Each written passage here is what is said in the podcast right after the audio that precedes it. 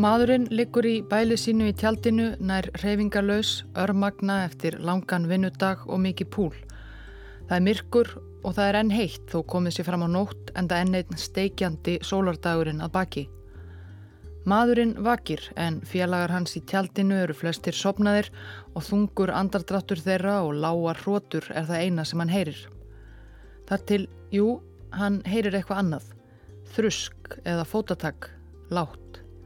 Var þetta eitthvað, spyr hann sig, því eftir allar þessar vikur og mánuði er hann varla lengur vissum neitt sem hann heyrir. Þetta gæti verið ímyndun. Eða þetta gæti verið djöfullin sjálfur komin að læsa í hann klóm sínum.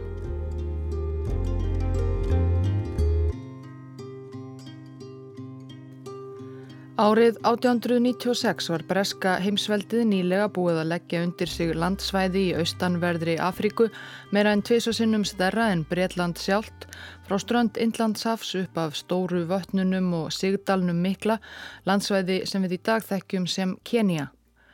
Kenya hafi verið skilgreynd sem innan áhrifasvæðis Breitlands á fundi nýlendu veldana í Berlín nokkrum árum áður þar sem þau skiptu Afríku á millisín. Það var ekki að undra, breskir kaupmenn og trúbóðar hafðu verið að þvælast á þessum slóðum lengi. Öðrumáli gengdi um annað landsvæði til vesturs, grænt og frjósamt land sem við köllum Úganda í dag en landkönnurinn Stanley kallaði Perlu Afríku. Bæði brettar og þjóðverjar hafðu gerinst Úganda. Eftir sérstakann samning 1890 fjall landið brettum í skaut en þeir vissu að þeir yrðu að tryggja sig fljótt í sessi. Það var ákveðið að leggja jártbraut. Jártbrautin átti að liggja frá Mombasa í Kenya, hafnarborginni við Inlandshaf, þvert í gegnum Kenya í norðvestur til annarar helstu borgarsvæðisins Nairobi og svo að ströndum Viktorjuvatns þar sem þegar var búið að leggja veg til Uganda. Þetta var meira en þúsund kílometra leið og eitt metnaðarfylsta verkefni sem brettar höfðu lagt í í nýlendubröldi sínu auðvitað rándýrt. Svo mjög að gaggrínendur á breska þinginu, þeir voru fjölmarkir, uppnemdu verkefnið The Lunatic Express eða brjálaðingalestina. Óbimbert heiti verkefnisins var þó Uganda hjálpbrötin. Þó svo allir þúsund kilometrarnir væru í Kenya var markmiðið að tengjast veginum til Uganda og aðalmarkmiðið að koma í vekk fyrir að önnur evrósk nýlenduveldi gætu seils til valda í Uganda. Það þótti fleira frekar galið við hjálpbröytar áformin en bara kostnaðurinn. Landsvæðið sem hjálpbröytin átti að liggja í gegnum var oftar en ekki torfært, annarkvort þykkur frumskóur eða skraufþur eðimörk og lendur þjóða og ættbólka sem kerðu sig lítið um breska hjálpbröyt og hvaðan átti vinnuaflið að koma.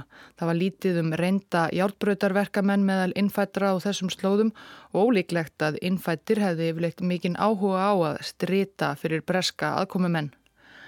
Það var því ákveðið að flytja verkamennina líka inn frá nýlendu breyta í Indlandi. Mörg þúsund indverskir verkamenn voru fluttir til Afríku að vinna. Vinnan sótist hægt eins og væntamátti. Í mars 1898, tæpum tveimur árum eftir að framkæntir hófust, höfðu brettar og indversku verkamennir aðeins lagt 200 km leið frá Mombasa og voru þá komnir að bökkum árinnar Tsavo. Það var 1. mars 1898 sem preskur herfóringi John Henry Patterson steg frá borði í Mombasa Það er lítið vitað um æfi hans fram að þeirri stundu sem hann kom til Kenya en hann var Íri, rétt þrítugur, fættur í County Longford 1867 og hafi verið í breska hernum síðan hann var 17 ára. Hann var einn á ferð. Honum hafi verið falið að hafa umsjón með smíði járbröytar brúar yfir ána Savó. Hann hafði aldrei áður komið til Afríku og þegar gufuskipið sildi síðustu metrana til Hafnar og Mombasa byrtist, kviknuðu í kolli hans ævintýralegar svipmyndir af sjóræningjum og þrælaskipum og öðrum afrískum klísjum sem hann hefði lesið um í bókum. Eftir að hafa beðið frekari fyrirskipana í viku, viku sem hann varði aðalega í að þvælast um Mombasa og nákrenni, held hann loks í fyllt tvekja annara breskara yfirmanna til Savó. Þeir fylgdu auðvitað nýlagðri játbrautinni svo langt sem hún náði. Þegar þeir komið að bökkum Savofljótsins leitt Pattersson í kringum sig. Landsvæðið í grend við fljótið er einnig kallað Savo. Það var þakkið þykku kjarri svo langt sem augað eigði nema þar sem gróðurinn hafi verið ruttur fyrir játbröðinni og rétt við árbakkana. Í fjarska mátti greina hlýðar Kilimanjaro. Við fljótið byðu á bylunu 2-3.000 indverskir verkamenn frekari fyrirmæla frá nýja fóringjanum. Mennirnir höfðust við í tjaldbúðum, misstórum, sem hnýbruði sig saman hér og þar á bökkunum begja megin fljótsins. Patterson leist ljómandi vel á þetta allt saman. Það liðu þó ekki nema nokkrir dagar þar til menn byrjuðu að hverfa.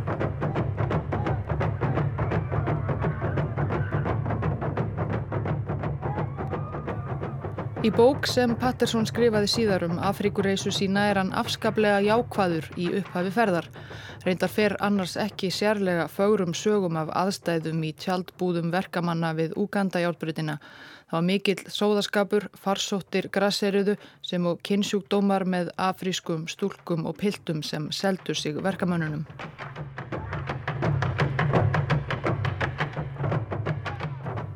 Áður en brettar komu hafði oft komið til blóðugra átaka við Savofljótið milli þjóðarna sem byggu á þessu svæði, Masaimanna og Kamba þjóðarinnar. Orðið Savo var fengið úr tungu Kambamanna og það þýtti sláturun. Það fóru ekki gott orð af þessum slóðum. Sumir sögðu að það kvildi bölfun á sveðinu.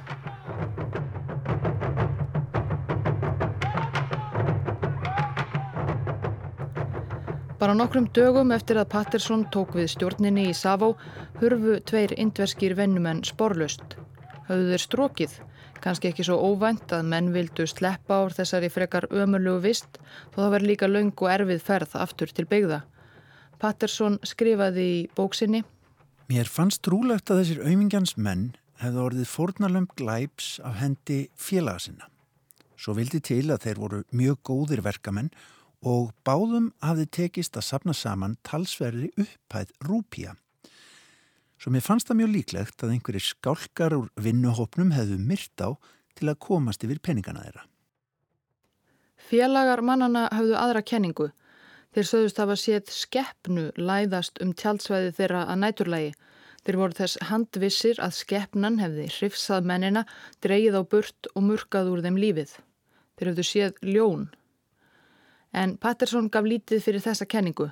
Fjárstæða, svona höguðu ljón sér ekki, miklu líklegra að mennskur morðingi hafi verið að verki ef mennirnir voru þá döðir. Allavega engin ástæða til að hugsa mikið um þetta, brúarsmíðin varða halda áfram en um tveimur vikum síðar kvarf einn maður enn. Í þetta sinn einn af aðstóðarmönnum Pattersons sjálfs úr bresk-indverska hernum, ekki naflus verkamaður heldur síki að nafni Ungan Singh. Patterson var vakin snemma morgun svo honum tjáðað ljón hefði ráðist inn í tjald Ungan Singhs um nóttina og dreyðan á brott með sér. Singh svaf í tjaldi með sex öðrum mönnum og einn þeirra gatt líst atbyrðum næturinnar. Hann lísti því nákvæmlega hvernig ljónið hefði um miðnætti, skindilega rekið höfuðið í tjaldirnar og þrifið í hálsin á ungan Sing sem svaf næst dyrunum. Aumingja maðurinn rópaði upp yfir sig og kastaði höndunum um háls ljónsins.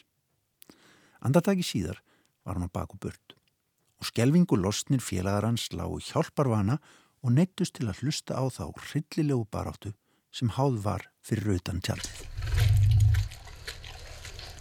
John Henry Patterson var í sinni fyrstu Afríkuferð en hann hafði áður starfað eitthvað fyrir breska herin á Índlandi. Hann var slingur veiðimaður og þar eistra hafði hann veitt tíkristýr. Ef þetta var í raun og veru ljón sem hafði heimt líf þryggja manna hans, þá var hann ekki í vafa um hvað hann þyrta að gera. Eltaða uppi. Patterson fór af stað á samt öðrum breskum herfóringja sem átti leiðum Savo, Alfred Haslam herdýralækni. Það var ekki sérstaklega erfitt að rekja slóð dýrsins. Það lág blóðug slóð frá tjaldi ungan Sings. Með reglulegu millibili voru blóðsletturnar á jörðinni sérstaklega stórar og djúpar, í raun podlar, þar sem ímyndaði Patterson sér dýrið þaði gert hlið á ferðsynni til að sleikja blóðuga bráðsína og nokkuð ennverra beðira. Þegar við komum að staðnum þar sem líkið hafi verið getið byrtist okkur skjálfileg sjón. Jörðin var öll þakin blóði, hold tæjum og mjöluðum beinum. En höfuð Hermannsins ólánsama var í heilulagi, fyrir utan vígtannaförin þar sem ljónið hafði gripið hann. Höfuðið lág spottakorn frá öðrum líkamsleifum og augu hans voru galopinn eins og fyllt skjelvingu. Þetta var það rillilegasta sem ég hafði á æviminni séð. Pattersson og Haslam söpnuðu sundur ripnum líkamsleifinum saman eftir bestu getu og hlóðu steinum yfir hrúuna. Höfuðið á síkanum tóku þeir þó með sér aftur í tjálbúðinar. Þeir sáu ekki til sökudólksins en af ummerkjum að dæma töldu breytarnir mögulegt að ljónin hefðu verið tvö og jáfnvel barist um líkið. Ekki bætti lund þeirra tilugsunin um að það væri ekki bara eitt heldur tvö ljón í nágræninu með smekk fyrir mannakjöti. Þetta voru mín fyrstu kynni af mannanduljónum og ég hétest þá og þegar að ég myndi gera allt í mínu valdi til að losna við þessar skefnur. Lítið vissi ég um hvaða þrautir beðu mín og hversu litlu myndi muna að ég liti sömu örlög og aumingja ungan syng.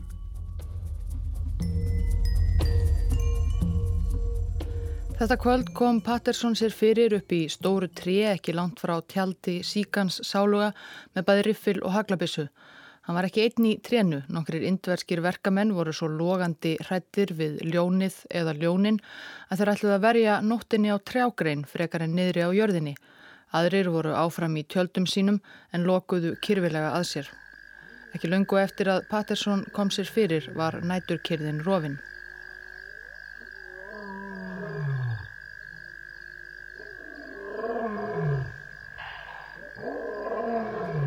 Í fjarska heyrðist ljón öskra.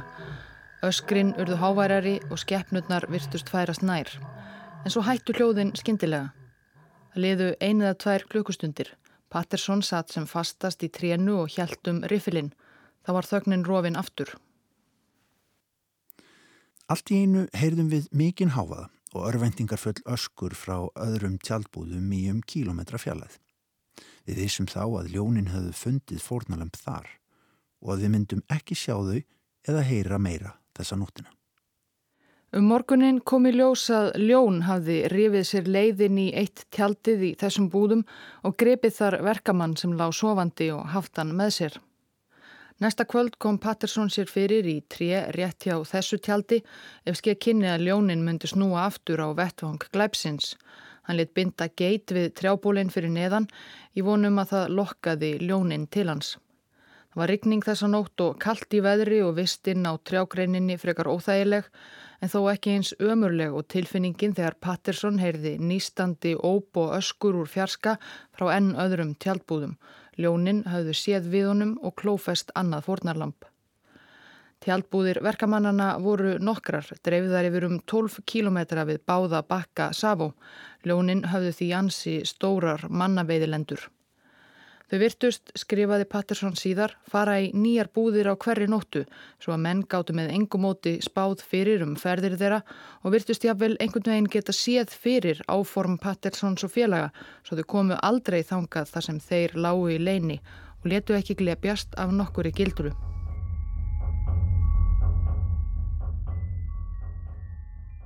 Af ljónunum sem hafast við í Savo og nákrenni fer það orð að þau séu sérstaklega slingir, lævísir veiðimenn. Frekar en til dæmis frændur þeirra og frængur suður á sléttum Serengeti. Þau séu mun hrifnari af því að fela sig og ráðast að bráðsynni úr launsátri frekar en að elda hana langar vegalengdir. Savoljónin hafa það orð á sér líka að vera grimmari en ljónin þar siðra og það er ekki bara út af mannætunum tveimur sem fjallað um hér. Þau eru líka öðruvísi í útliti. Í stað hérna glæsilegu makka sem ljóna karlar sunnar í álfunni státa af og er aðalsmerki ljóna eru karldýrin í Savo oftar en ekki bara með rétjulega hanakampa eða þá alveg makkalausir og líta þannig út eins og stórvaksinn kvendýr. Makkalaus ljón má vissulega finna um alla Afríku en hverki eru þau eins algeng og í Savo óvíst er hvers vegna.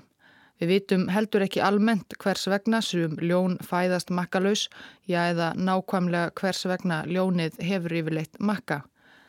Allavega voru ljónin tvö sem heldu hjártbröytarverkamönnum Breska heimsveldisins í heljargreipum 1898 bæði makka laus og sannarlega læfís.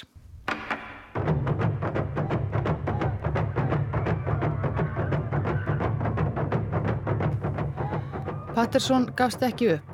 Hann reyndi líka að leita dýrana í nágræni tjaldbúðina í dagspyrtu en í þykku skólendinu og þessum slóðum var það bæði torsótt og hættulegt.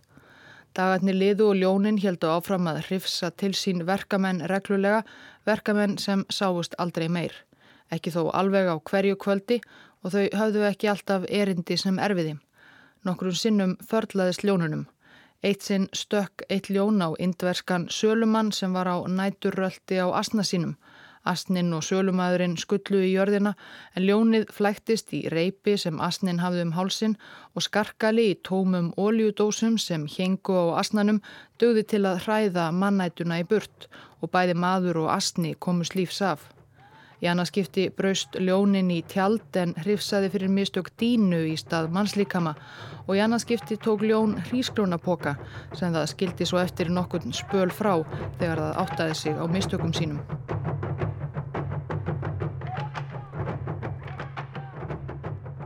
Allt frá því að þessi saga gerist 1898 hafa menn velt fyrir sér hvers vegna ljónin í Savó höguðu sér svona, lögðust á menn.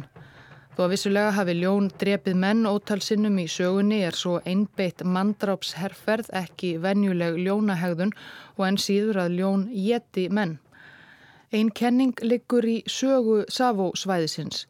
Jártbraut breska heimsveldisins fyldi þar gamalli veslunarleið. Um aldir höfðu arabískir þrælasalar farir þarna um með varningsinn, afríska þræla sem þeir seldu á þrælamörkuðum Sansibar og Arabíuskagans. Það var langt þram til strandar við Inlandshaf og margir tilvonandi þrælar fórust á leiðinni úr sjúkdómum, hungri eða þreitu. Líkin voru skilin eftir þar sem fólkið datt dött niður svo slóð af líkum markaði leið þrælasalana. Hafðu ljónin í Savó kannski komist á mannabræðið með því að naga líkamsleifar þræla, kannski stundað mannátt öldum saman.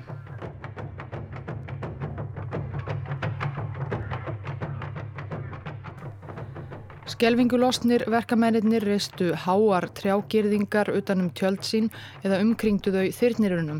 Eldur var hafður logandi alla nóttina og verðir börðu saman tómum óljutunum nætur langt til að reyna að fæla ljónin frá. Allt kom þó fyrir ekki og fleiri menn hurfu með reglulegu millibili. En svo þegar leið á sumarið fækkaði ljóna árásunum niður í næstum ekki neitt. Hafði mönnunum tekist að rekja ljónin í burt í eitt skipti fyrir öll. Loks hrukkum við skindilega upp úr þessu örgi.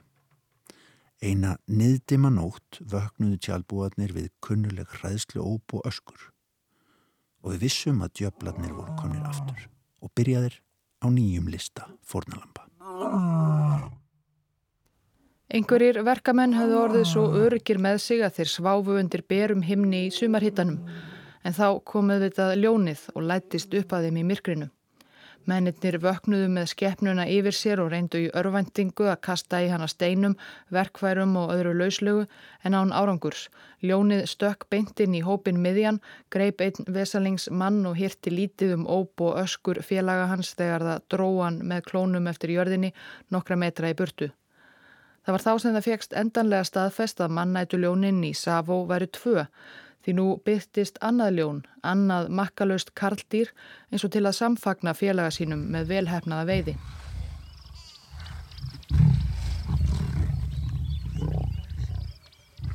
Dýrin hirtu ekki um að draga líkamsleifar verkamannsins lengra í burtu heldur tóku strax til matarsins beint fyrir framann skjelvingu losna vinnufélaga fórnalamsins. Þau hirtu ekkert um hróp og köll nýja heldur þegar einn af hermönunum á svæðinu skaut í áttinaðum. Eftir þessa stuttu pásu heldu ljónin áfram uppteknum hætti og það var eins og þau væru líka orðin djarfari. Þau hættu alveg að draga fornalumbin burt af aftökustadanum áður en þau settust að snæðingi.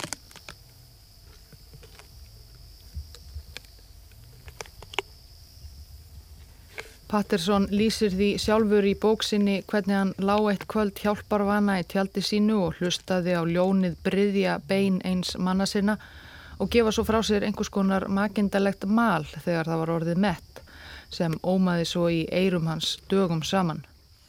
Annars varði Patterson þegar þarna var komið sögu næstum því hverju einustu nótt á verði upp í einhverju trénu með riffilsinn og haglabissu, þreytandi og ömurleg vinna og aldrei urðu ljónin á vegi hans, völdu alltaf annan veiðistað.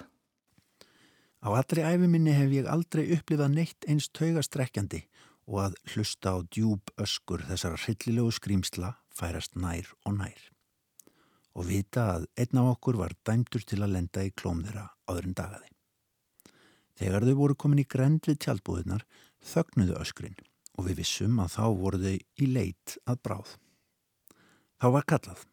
Varið ykkur bræður, djöfullin er að koma en rópin reyndust áranguslaus og fyrir en síðar röfu ángistar veginn þögnina og við vissum að við nafnakall morgundagsins er þið einum manni færra.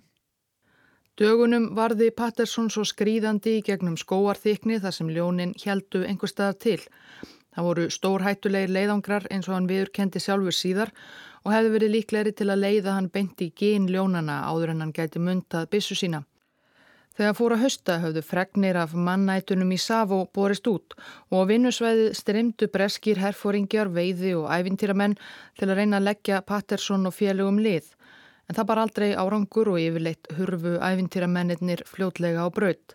Ljónin letu ekki ná sér og þau heldu uppteknum hætti. Skindilega um miðjanótt réðust mannætunar báðar inn í stærstu búðinar á skelvingur losna verkamenn. Jafnvel úr mínu tjaldi sem var í nokkuri fjarlæð heyrði ég vel örvæntingarfull óbðera. Ópunum fylgdur hróp. Þeir tókan, þeir tókan. Á meðan ófjettin dróðu burt fórnalamp sitt og hófu sína hryllilegu veistlu rétt við tjálbúðunar. Herra Dalgeins skaut meir en 50 skotum í áttaljónunum en það var ómögulegt að ræða þau og þau láði þarna róleg þar til þau höfðu getið næju sína. Herra Dalgens var annar breyti, einn af yfirmönnum brautarfrankandana. Þegar ljónin letu sig hverfa fóru Patterson og Dalgens á eftir þeim. Að fótsporum þeirra að dæma fannst breytunum líklegt að annað ljónið drægi eina löppina.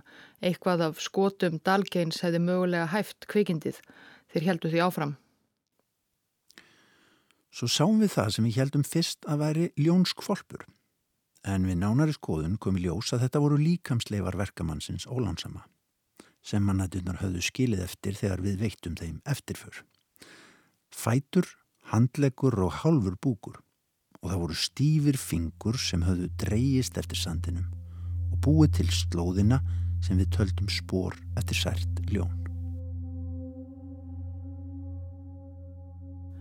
Í byrjun desember þegar ljónin hafðu herjað í nýju mánuði og týjir lágu í valnum hið minsta, fengu hjálpbrautaverkamennir nóg og lögðu niður vinnu. Fjöldin allur af verkamönnum satt svo fyrir næstu lest aftur til byggða, ruttist um borð og let sér hverfa. Þeir sem eftir voru neituðu að vinna og einbeittu sér þessi stað að byggingu ímiskonar ljónsheldra kofa, ímist ofan á vastungum, uppi í trjám eða neðanjarðar, grófu hólur í tjöldum sínum og sváfu þar á nóttinni undir þungum viðardrömbum. Framkændirnar stóðu í stað. Tveimur ljónum hafi tekist að standa í vegi breska heimsveldisins.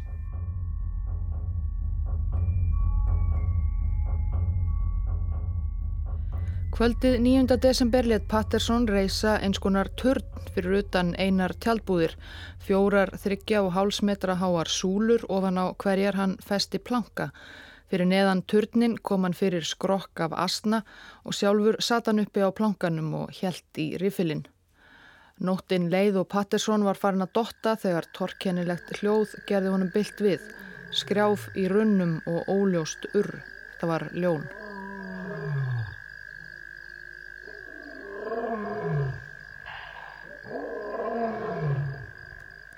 Það leiti ekki við asnaskroknum og það var ekkert að flýta sér. Í heilar tvær klukkustundir þvældist skeppnan ring eftir ringi kringum turnin þar sem Patterson satt.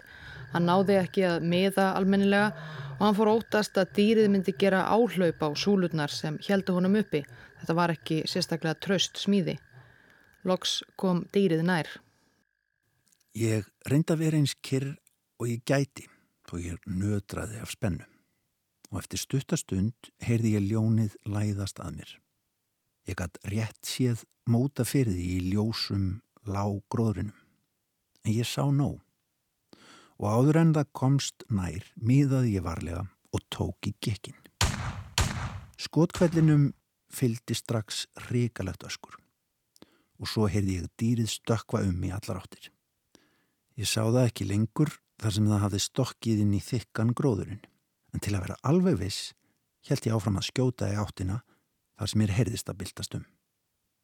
Loks heyrði ég nokkrar háar stunur sem smám saman urðu að djúpum andvörpum og hættu loks alveg. Og ég var þess fullviss að einn af djöflunum sem hafðu relt okkur svo lengi myndi ekki ángra okkur meir.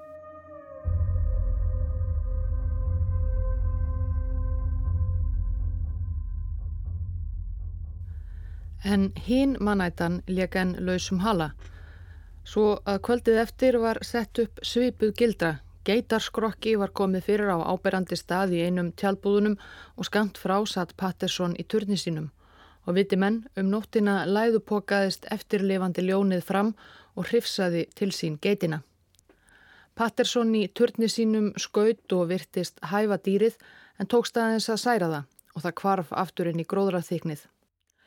Næstu daga spurðist ekkert til Jónsa og Pattersson fór að halda að hann hefði mögulega drepist einhver staðar út í skóginum af sárum sínum.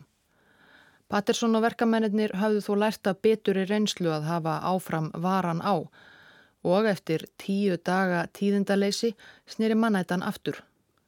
Lang flestir játbreytaverkamennir voru þá farnir að dvelja upp í trjágreinum að næturlægi en þegar þeir komu niður á jörðina að morgni 28. desember voru greinileg ljóna fótspor um allt. Dýrið hafði stungið nefinu inn í svo gott sem hvert einasta mannlausa tjald. Um kvöldið fór Patterson aftur upp í tré með riffilinn sinn. Aftur kom ljónið og aftur tókst Patterson að hæfa dýrið og særa en ekki drepa. Það kvarf haldrandi inn í nóttina. Þegar dagaði kom í ljós blóðslóð eftir sært dýrið. Pattersson fór það á stað á samt aðstofamanni. Við höfðum varla farið halvan kílometra inn í frumskóin þegar við heyrðum skindilega grimmilegt varnaðar ör. Ég leitt varlega inn í gróðurþyknið og sá mannætuna kvessa augun á okkur og bera vígtennurnar. Ég miðaði strax og skaut. Um leið stökk dýrið fram og réðst í áttað okkur. Ég skaut aftur og það kastaðist niður en sekundu síðar var það staðið upp og hljóp að mér eins rætt og sært dýr gatt. Pattersson og aðstóðarmadurinn hörfuðu upp í næsta tré. Þegar ljónið sá að það var of seint, haldraði það aftur inn í þyknið. En ég greip til karabínunar og fyrsta skotið sem ég skaut úr henni virtist vera náðarhöggið því dýrið fjall til jarðar og láðar reyfingalöst. Í hugsunarleysi klöngraðist ég beint niður úr trénu og ég átta dýrinu. Mér til undrunar og ekki lítillar skjelvingar stökk það upp og reyndi að ráðast að mér aftur. Í þetta sinn hins vegar réði kúla í brjóstið og önnur í höfuðið niður lögum ljónsins fyrir fullt og allt. Það fjall niður varla 5 metra frá mér og dó djarflega og beit trillingslega í grein á jörðinni. Mannætturljónin tvö í Savó voru loksins öll. Mikill fögnuður greip um sig meðal brúarverkamannana sem hildu Pattersson sem hetju og í lundunum gáttu ráðamenn andað léttar og brúarsmíðin haldið áfram. Í bók Patterson og öðrum samtíma heimildum er fullirt að ljónin hafi drepið um 130 verkamenn við Savó á nýju mánuðum. Með nýri rannsóknum hefur verið dreyið í Eva að þeim hafi tekist að drepa svo marga og einungis ég hægt að staðfesta með óeikjandi hætti að þau hafi drepið og getið 28 til 31 mann er þá meðal annars búið að greina tennur skefnana og benda þær til þess að þær hafi ekki getið fleiri mannskefnur en rúmlega 30, þó kann að vera að þær hafi drepið miklu fleiri. Nefnum á að lagning Úganda hjálpbröytarinnar tók meira en fimm ár. Þegar henni laugloks í árslokk 1901 þá hafðu 2500 indverskir verkamenn látið lífið í framkvæmdunum af ýmsum ástæðum.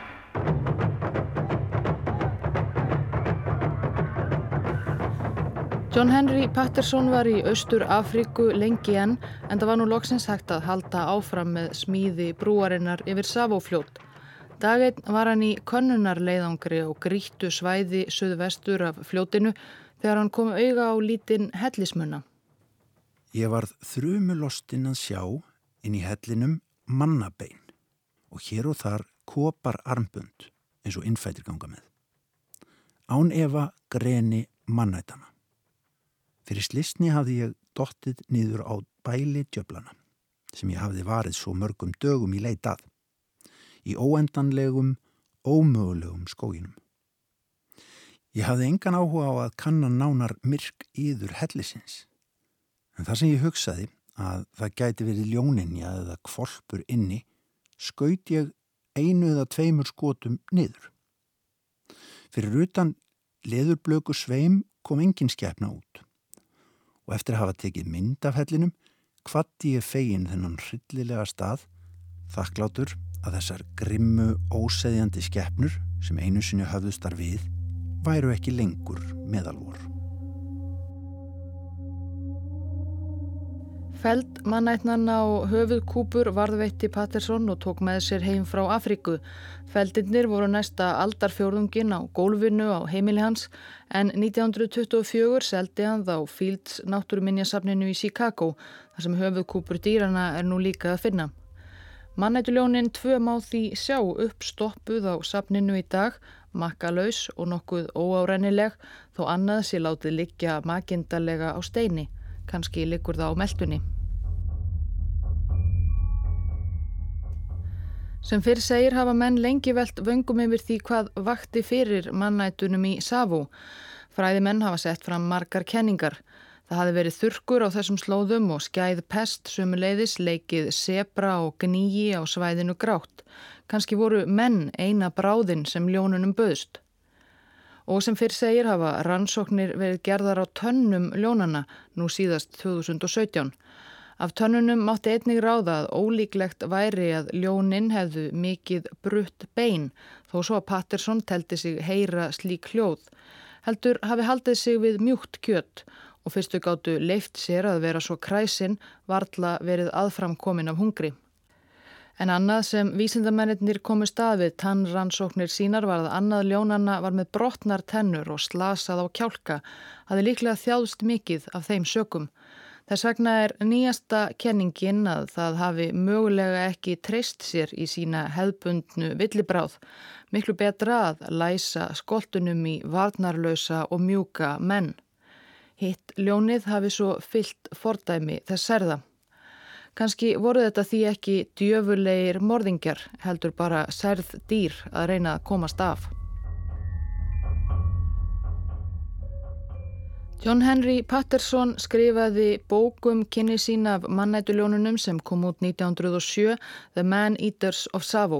Segir það einnig frá öðrum vandamálum sem hann þurfti að glíma við við brúarsmíðina í Savó, til raun manna sinna til uppreysnar, flóða í fljótinu og svo framvegis, en það voru óneitanlega ljónin sem vöktu mesta aðtegli. Höfundurinn varð frægur og var meðal annars bóðið á fund fórsetta bandaríkjana, veiði áhuga mannsins Theodors Roosevelt. Annar annálaður veiðimaður varð líka aðdáandi Patterson, réttöfundurinn Ernest Hemingway. Sá skrifaði síðar smásuguna The Short Happy Life of Francis Maycomber sem byggðir á öðru dularfullu atviki úr lífi herfóringjans. Það var 1908 þegar Patterson var í safariferði í Austurafríku með breskum barónsinni Odli Blythe og konu hans Ethel sem endaði nokkuð sviplega þegar aðalsmaðurinn skaut sig til bana í tjaldi sínu. Á meðan var Ethel vist í tjaldi Pattersons og skiljanlega kveiknaði orðrómur heima í Breitlandi um framhjáhald og morð. Upp úr sögu Hemingways var 1947 gerð kvikmyndin The Maycomer Affair þar sem veiðimannin leikur sjálfur Gregory Peck. Ljóna ævintýri Patterson hefur svo orðið innblástur við gerðað minnstakosti sex kvikmynda. Savage jungle violence as killer lions terrorize a fierce warrior tribe Er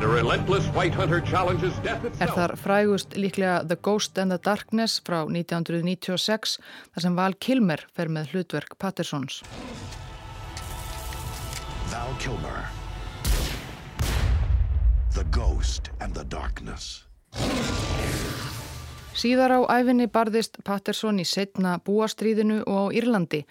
Í fyrri heimsturjöld fekk hann svo það hlutverk að leiða sjálfbóða herflokk gýðinga sem börðust fyrir breska herin. Patterson var sjálfur mótmælenda trúar en tók miklu ástfóstri við menn sína og gýðinga hersveitinn Jewish Legion barðist af djörfung gegn ottoman Tyrkjum við Gallipoli og síðar í Palestínu. Eftir stríðslokk var þann upplugur stuðningsmæður síjónista sem börðust fyrir stopnun gýðingslegs ríkis fyrir botni miðararhafs. Margir af framámönnum síjónista á millistriðs árunum voru góðir vinnir hans, menn eins og fræðimæðurinn Benzion Netanyahu, fadir Benjamins forsetta Ísraels og hann nefndi raunar elsta svonsinn Jónatan eftir John Henry vinni sínum. Jónatan þessi Netanyahu var síðar einhver dáðasta stríðshetja Ísraels ríkis eins og fjallaðurum í öðrum þætti í ljósi sögunar um æfi Benjamins Netanyahu. John Henry Patterson flutti til Kaliforníu í byrjun 5. áratöksins, bjóð þar til dauðadags 1947 og var grafin í kirkjugarði í Los Angeles. 67 árum eftir andlát hans, 2014, var svo loksins orðið við því sem sagt er að hafi verið hans hinsta ósk að fá að kvíla í Ísraelskri jörðu við hlið mannana sem hann hafi barist með í fyrri heimstyrjöld.